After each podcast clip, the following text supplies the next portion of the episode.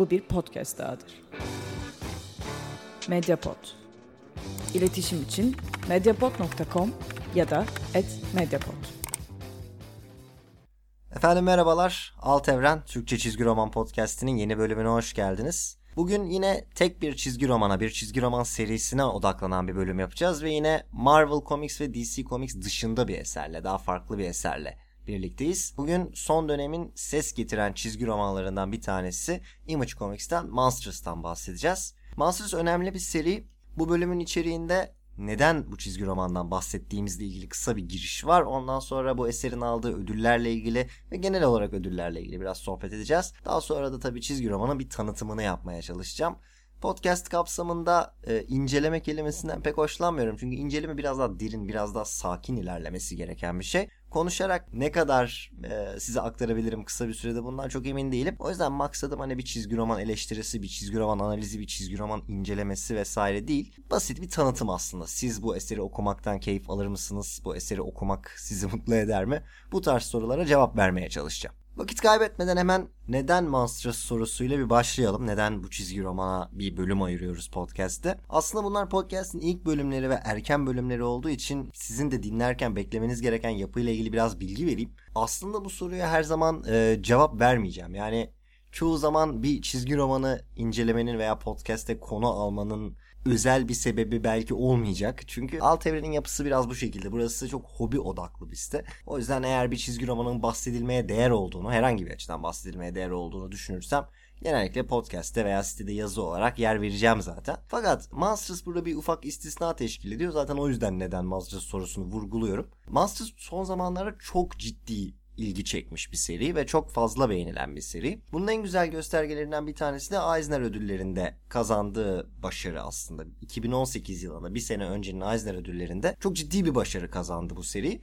Toplam 5 ödülle döndü 2018 Eisner ödüllerinden ve tabi bu ödüllere ve doğasına da biraz değineceğim. Bu işin içinde sadece bir serinin gelip 5 ödül kazanması gibi bir durum yok. Aynı zamanda bu ödül işinin doğasıyla ilgili de söylenebilecek şeyler var. Ee, geçen bölümde hatta Sabrina'nın edebiyat alanında bir ödüle aday gösterilmesinden bahsetmiştik. E, bu da doğrudan çizgi roman alanındaki ödüllerle ilgili e, bazı ilginç şeyler söylememizi mümkün kılabilir. O yüzden bence bu da enteresan bir konu. Ama bütün bunlara girmeden size Monsters'ı bir güzelce tanıtayım önce. Çok zor bir seri değil tanıtması çünkü türü çok belli. Monsters bir fantastik çizgi roman. Fantastik çizgi roman dediğiniz zaman aslında bu tür kendi içinde ikiye ayrılan bir tür. Bu benim fantastik eserlerle ilgilenen biri olmama rağmen uzaktan da olsa biraz geç öğrendiğim bir bilgi ve bu bilgiyi paylaşmaktan keyif alıyorum çünkü çok iyi bir kategorizasyon imkanı sunuyor.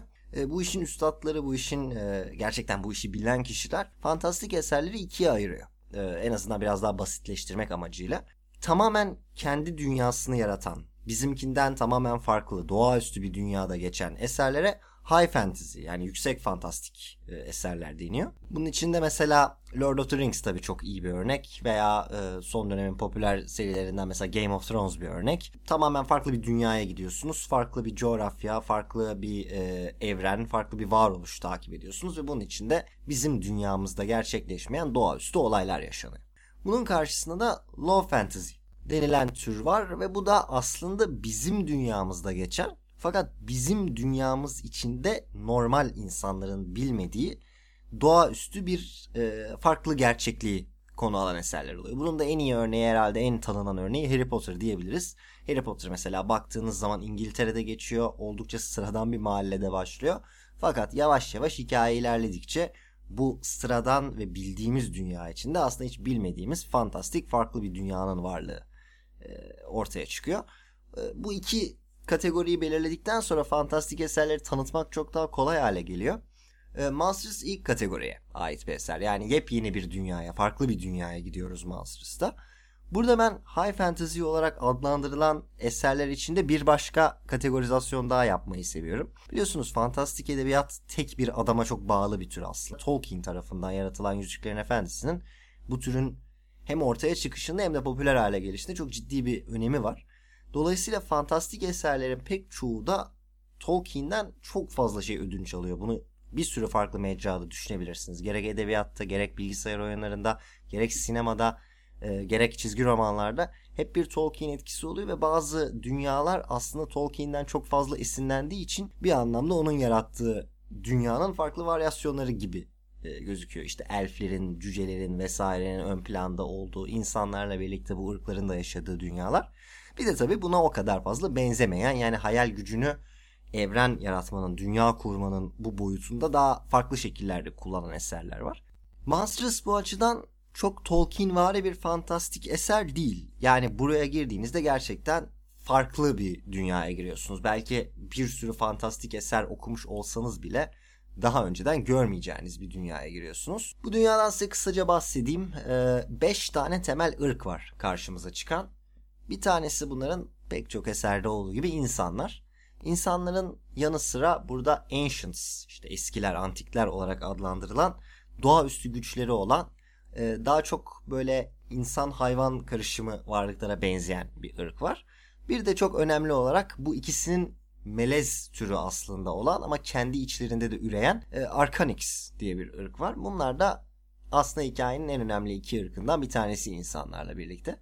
Bunların yanı sıra da e, çok enteresan bir şekilde kullanılan kediler var. Birden fazla kuyruğa sahip. Tam olarak ne amaçladıkları, kime hizmet ettikleri, ne yaptıkları her zaman net olmayan bir ırk olarak karşımıza çıkıyorlar. Bir de hikayenin yine odak noktalarından bir tanesi olan Old Gods, eski tanrılar diye böyle canavarımsı bir ırk. Ki hikayenin adı Monsters o yüzden e, zaten onların da önemini az çok tahmin edebilirsiniz. Bu dünyada insanlarla Arcanix ırkı arasında ciddi bir çekişme var. Hatta büyük bir savaş yaşanıyor. Fakat bu savaşın sonunda büyük bir olay, büyük bir facia yaşanıyor. Konstantin adı verilen bir şehirde. Ve bundan sonra bir kısa süreli gergin her an bitebilecek barış imzalanıyor. Fakat tabii bizim seriye başlamamızla birlikte bu barış da yavaş yavaş sarsılmaya başlanıyor. Biraz bilgi verdim bu dünya ile ilgili. Daha fazla bilgi vermek istemiyorum. Çünkü böyle bir eserin en keyifli yanlarından bir tanesi zaten yeni bir dünyayı tanımak. Bir dünyayı incelemek üzerine kurulu. Söyleyebileceğim şey şu Monsters'la ilgili. Bir iki sayı okumanızı tavsiye ederim. Bir iki sayı içinde bu dünyayı sevip sevmediğinizi anlamanız kolay olacak. Ve Monsters'ı sevip sevmemeniz de aslında bu dünyayı sevip sevmemenizle alakalı. Yani ilk 5-10 sayfayı, 20 sayfayı, 30 sayfayı okuduktan sonra burada anlatılan evren sizin ilginizi çekiyor mu? Burada anlatılan karakterler sizin ilginizi çekiyor mu? Size hitap ediyor mu? Bunu rahatlıkla anlayabilirsiniz. Ve zaten eserin genel olarak size hitap edip etmediğini belirleyen şey de bu olacak. Ee, dolayısıyla hikayenin olay örgüsü ve ana karakterleriyle ilgili genel bilgileri biraz sonraya bırakıyorum. Daha fazla zaten çok detaya girmeyeceğim. Sadece yeri geldiğinde bir iki eleştirel veya e, fikir vermeye yönelik bir şeyler söyleyeceğim. Ama bunun dışında hikayenin özeti bu şekil. Gelelim şu ödül meselesine. Bu da önemli bir konu. Bölümün başında da dediğim gibi Monsters 2018 Eisner ödüllerinde 5 farklı kategoride ödül kazanmış bir çizgi roman. Burada Eisner ödüllerinin yıllar içindeki değişiminden biraz bahsetmek de tabii gerekiyor. Ee, Eisner ödülleri çizgi roman dünyası içinde e, en prestijli ödül olarak kabul ediliyor genellikle veya en azından en prestijli birkaç ödülden bir tanesi olarak kabul ediliyor. Ve bu ödülün doğası ve tarihi aslında biraz daha farklı eserlere yoğunlaşmasıyla e, biliniyor. Yani genellikle biraz daha yeraltı çizgi romanlar, biraz daha farklı işler yapan ana akımın dışında duran sanatçılar ön plana çıkıyor. E, veya en azından mesela süper kahraman türü içinde ödüller verildiğinde bile daha kült eserlere, daha farklı eserlere veriliyor. Ama son yıllarda hem Marvel ve DC e, serileriyle hem de e, Image Comics ile daha ciddi bir yakınlaşma içinde veya biraz daha popüler eserlere daha çok e, yer ayırma gibi bir durum var. Burada tabi e, illa yayın evi odaklı olarak bakmamak lazım. Çünkü mesela yayın evi olarak baktığınızda özellikle Vertigo etkisi sebebiyle DC Comics aslında çok fazla ödül kazanmış bir yayın evi. Ki Vertigo'nun dışında da işte Frank Miller'ın eserleri ve Alan Moore'un eserleri var ama bahsettiğim şey biraz daha e, ana akım içinde görebileceğimiz eserlerin ön plana çıkarılması. Ve bunun içinde şöyle bir şey yapılıyor genellikle. Bir eser ödüle layık görüldüğü zaman e, biraz amiyane bir tabirle söyleyeyim. Hani bir ödülle yetinilmiyor genelde böyle kafasına ödül fırlatılıyor. Yani al işte hepsini al falan gibi bir şey. Ki aslında ilerleyen yıllarda buna bir değişiklik yapılması, bir farklı standart getirilmesi beni şaşırtmaz. Çünkü şu andaki durumda mesela bir eserin en iyi çizgi roman, en iyi devam eden seri vesaire gibi bir ödül alması aslında en iyi yazar ve en iyi çizer gibi kategorileri de biraz önemsizleştiriyor. Çünkü zaten onu aynı kişiye veriyorlar muhtemelen. E, bu sene de bunun benzer bir durumunu gördük. 2019'da da Tom King ve Mitch Gerald Mr. Miracle'la çok ciddi anlamda bütün ödülleri süpürmüş durumdalar. Monsters da böyle. Şimdi Monsters'ın kazandığı sene 2018'de iki eser çok damga vurdu. Bir tanesi zaten şu anda bahsettiğimiz eser. Bir tanesi de Fantagraphics'ten çıkan My Favorite Thing is Monsters diye bir eser. Yine bir isim benzerliği de var aslında. Ben podcast'in geri kalanına biraz bu alınan ödüller ve bu ödüller üzerine yorumlar şeklinde kurguladım. Bu ödüllere çok ehemmiyet vermemden veya çok önemli görmemden değil tam tersi. Böyle şeylerin anlamsız olduğunu sık sık vurgulamaya çalışıyorum. Fakat hem bölüme bir e, yapı kazandırmak hem de sizlerin de dinlerken farklı şekillerde değerlendirebilmenizi sağlamak için iyi bir yapı olduğunu düşünüyorum. Aynı zamanda o kadar çok ödül almış bir seriden bahsediyoruz ki farklı alanlardan farklı eleştiriler, farklı yorumlar da paylaşabiliyorum. Öncelikle kesinlikle hak ettiğini, Monsters'ın kesinlikle alması gerektiğini düşündüğüm iki kategoriden başlayayım. Bir tanesinin üzerinde hiç durmayacağım. E, 2018 yılının en iyi kapak çizimleri. E, bir sürü çok iyi çizer var, bir sürü çok iyi kapak sanatçısı var günümüzde ama Monsters'ın ben bunu hak ettiğini düşünüyorum. Bu birincisi. İkincisi yine büyük ölçüde katıldığım en iyi sanatçı, en iyi çizer e, kategorisi. Biliyorsunuz Eisner ödüllerinde en iyi çizer kategorisi aslında ikiye ayrılıyor. Yani Best Penciler ve Best Painter Multimedia Artist olarak ikiye ayırıyorlar. Monsters'ın çizeri e, Sanat Akida Best Painter Multimedia Artist alanında kazanıyor bu ödülü. Burada söyleyeceğim bir şey var aslında. E, bence kesinlikle hak edilerek kazanılmış bir ödül. Fakat e, daha da ileri götürmek lazım. Benim Monsters'la ilgili en sevdiğim boyut muhtemelen eserin görselliği. Çünkü benim çizgi roman okurken görselliği değerlendirmemin ve görselliği olumlu değerlendirmemin aslında iki kriteri var. Tamamen kendim için konuşuyorum. Ben genellikle ya böyle sayfaları ışık hızında çevirttiren, böyle çok rahat okunan, çok hızlı, çok akıcı bir görsellik anlayışını seviyorum ya da tam tersini seviyorum. Yani sizi bir sayfaya e, saniyelerce, dakikalarca bakmaya zorlayan, yoğun incelenmesi gereken, iyi incelenmesi, iyi bakılması gereken panel yapılarını seviyorum.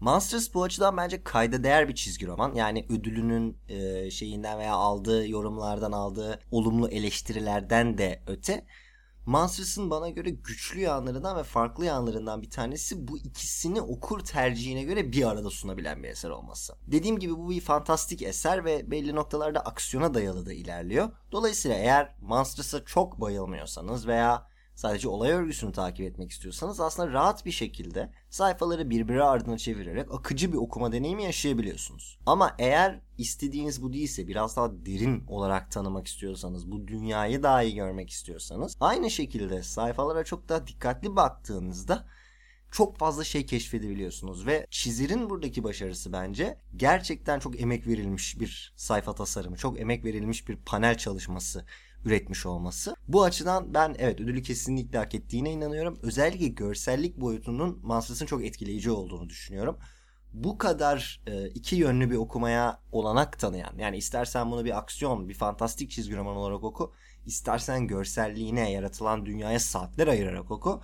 E, bu kadar başarılı bir şekilde yapıldığını çok fazla çizgi romanda göremiyoruz bunun. Bu da bence Monsters'ın önemli başarılarından bir tanesi. Bunun dışında aldığı bir üçüncü ödül Eisner ödüllerinde en iyi devam eden seri ödülü. Bunun e, işte benim ödüllerle ilgili asıl e, meselem buraya tabii geliyor. Bununla ilgili çok bir şey söylemeyeceğim. Bu tamamen kişisel zevkinize bağlı bir şey. E, kazanamayan çizgi romanlar için de aynı iddiada bulunmak mümkün. Aday bile gösterilmeyen çizgi romanların belli tercihlere göre daha iyi olduğunu söylemek de mümkün. Dolayısıyla bu e, çok önemli bir kategori değil bence. Her ne kadar aslında en önemli kategori gibi gözükse de Monsters'ın kazandığı 3. kategoride en iyi devam eden seri ödülü. Bunun yanı sıra bir de şöyle bir ödül verilmiş. Burada biraz durmak istiyorum.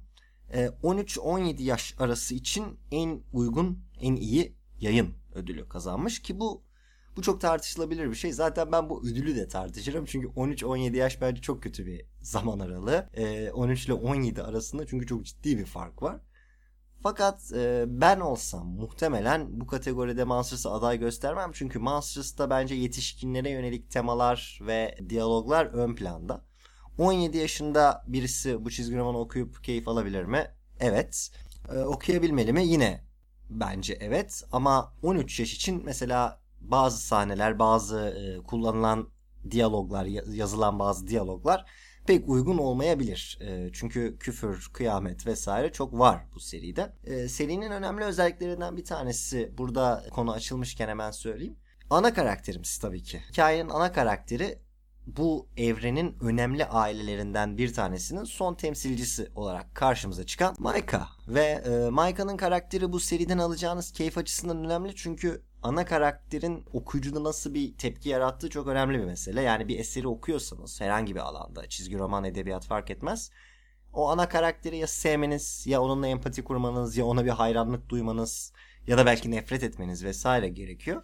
Maika şu anda yaşanılan bütün olaylar içinde çizgi romanda daha kayıtsız yani of, şu işler bitse de bir gitsek işte hepinizden nefret ediyorum falan gibi bir havada böyle biraz kıl bir karakter kendisi evren içi olarak. E, fakat bu kıl evren içi karakter yapısı atıyorum mesela yine çizgi roman alanından bir Wolverine gibi değil. Hani e, o yaratılan bir badass karakter böyle hani dur şuna bulaşmayalım sıkıntı yaratmasın falan gibi çok da bir şey değil. Ee, o yüzden mesela bence çizgi romanın zayıf noktalarından bir tanesi de bu ana karakter. Şimdi neden bundan bahsettim? Çünkü e, Maika içinde bulunduğu durumdan hoşnutsuz olan ve bu hoşnutsuzluğu sık sık dile getiren ve bunun için böyle oldukça enteresan yani İngilizce'de normalde pek yer almayan küfürleri kullanan enteresan bir karakter. Dolayısıyla bu küfürler, bu yorumlar, bu cümleler, bu tavır genel olarak hani 13 yaşında bir okuyucu için ne kadar idealdir? Tabii o yani 13 yaşındaki okuyucudan 13 yaşındaki okuyucuya göre de değişecek bir şey.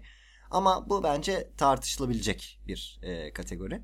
Ve son kategoride 2018 Eisner ödüllerinde Monsters'ın yazarının kazandığı en iyi yazar ödülü. Bu da tabii ki söylemeye gerek yok en önemli kategorilerden bir tanesi ve e, yazar Marjorie Liu'yu bir anlamda tarihe geçiriyor. Çünkü Eisner'de bu kategoride ödül kazanan ilk kadın oluyor kendisi. Burada tabii şu detayı da paylaşmak önemli. Ee, Marjorie Liu bu ödülü tek başına kazanmıyor. Batman ve Mr. Miracle serileriyle e, 2018'de önemli işler yapan Tom King'le e, paylaşıyor bu ödülü ve tabi biliyorsunuz 2019'da da Tom King bu sefer tek başına kazanıyor. Bu tümü içinde benim aslında katılmadığım tek ödül. E, gerçek anlamda katılmadığım. Çünkü dediğim gibi hani en iyi seri ödülü herhangi bir seriye göre biraz da kişisel zevklerle gidebilir. Çünkü çok fazla sayıda kaliteli seri var. Ama e, Monsters'a en iyi yazar ödülü vermek Tabii ki yaratılan dünyanın başarısı vesaire bunlar ayrı bir konu ama e, genel olarak hikayenin gidişatına, gelişimine, e, ve özellikle diyaloglara baktığınızda bana kalırsa Monsters'ta aslında o kadar da harika, o kadar da olağan dışı bir şey yok. Özellikle bu kadar fazla iyi çizgi roman serisinin çıktığı bir dönemde en iyi yazar ödülünün bence e, başka birisine gitmesi daha doğru bir karar olabilirmiş. Ama bunun dışında dediğim gibi Monsters'ın daha güçlü yanları bence görselliğinde ve yaratılan evreninde gizli hikaye anlatımı ve karakterlerin konuşmaları birbirleriyle iletişimleri bazı noktalarda işte dediğim gibi bu hani biraz zorlama biraz fazla kendini kasarak e, garip küfürler eden karakterler. Yani bence özel olarak yazarlığı burada ön plana çıkaracak kadar güçlü bir e, anlatısı yok Monsters'ın. Tabi Tekrar söylüyorum bütün bunlar bu yaratılan dünyaya duyduğunuz ilgiyle ve e, ne kadar kendinizi bu dünyaya ait hissettiğinizde ne kadar buraya bir anlamda sizin okuyucu olarak yatırım yaptığınızla da e, alakalı bir konu olabilir. Benim ama genel değerlendirmem bu kazandığı 5 ödülle ilgili bunlar Monsters'ın. E, birkaç tane son bilgiler vererek kapatmak istiyorum. Bugün Monsters'tan bahsettik uzun uzadıya. Özellikle de Eisner ödüllerindeki geçtiğimiz senenin Eisner ödüllerindeki başarısı etrafında durduk. Aynı zamanda podcast'te konu alacağımız neredeyse tüm çizgi romanlar gibi sitede de bir yazısı var Monsters'ın. Burada ödüller üzerinden gitmemin temel sebeplerinden bir tanesi orada ödüllerden hiç bahsetmemiş olmam. Dolayısıyla bir farklı bir bakış açısı veya hani ödüllerden bağımsız bir değerlendirme istiyorsanız orada da bir şeyler bulabilirsiniz. Monsters'ın yazar ve çizer takımı, yaratıcı ekibi enteresan e, bir arka plana sahip. Bunu zaten isimlerinden de biraz anlayabiliyorsunuz. Marjorie Liu ve Sanat Akida bunlar e, Doğu Asya kökenli çizerler, yazarlar. Dolayısıyla bunların arka planının esere kattığı bir boyut var veya var mı yönünde bir tartışma var. E, burada da söylediğim bazı enteresan noktalar olabilir yazıda. ilginizi çekebilecek bazı noktalar olabilir. Tabii bütün bunların kazanılan ödüllerde bir etkisi var mı meselesi de günümüzde apayrı tartışılması gereken bir konu. Ama tartışmasız olan şu e, Masters günümüzde Image Comics'in prestijli önemli serilerinden bir tanesi ki biliyorsunuz Image'ın yayınladığı serilerin zaten niteliği genellikle e, üst düzeyde oluyor. Dolayısıyla onlar içinden bile sıyrılmış bir kitaptan bahsediyoruz. Şimdi benim bu podcast'i kaydettiğim tarihte. Biliyorsunuz bunlar her zaman sizin dinlediğiniz tarihle aynı olmayabilir. Biraz önceden kaydetmiş olabilirim. Benim kaydettiğim tarihte bu çizgi romanın 24 sayısı var. Bu 24 sayı Image Comics'i okumanın belki de daha iyi bir yolu olan ciltlere baktığınızda 4 cilte tekabül ediyor. Fakat 4. cilt henüz piyasaya çıkmadı. Eylül ayının sonunda piyasaya çıkacak. Dolayısıyla aslında epey bir okuyacak şey de var eğer ilgileniyorsanız ama e, güzel bir noktadayız yani. Hem okumak istiyorsanız yeteri kadar malzeme var hem de böyle asla yetişilemeyecek falan bir seviyede kesinlikle değil.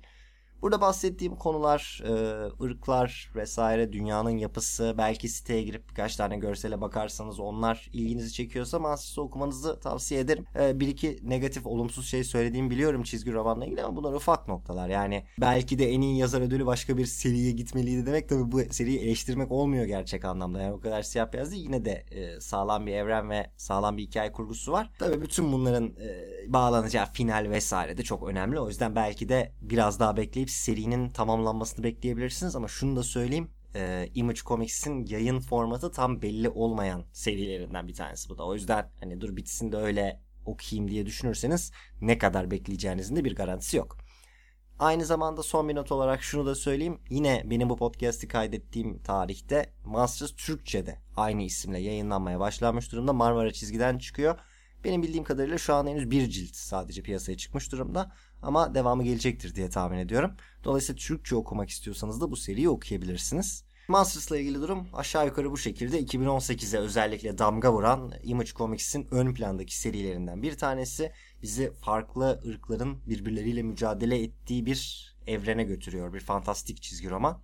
Bundan da bahsetmiş olduk. İlerleyen bölümlerde tabii ki böyle bir sürü çizgi romana değineceğiz. Bu noktaya kadar dinlediyseniz çok teşekkür ediyorum. Bir sonraki bölümde görüşmek üzere. Hoşçakalın. Medyapod'un podcastlerine Spotify, Google Podcast, iTunes ve Spreaker üzerinden ulaşabilirsiniz. Medyapod'u desteklemek için patreon.com slash medyapod.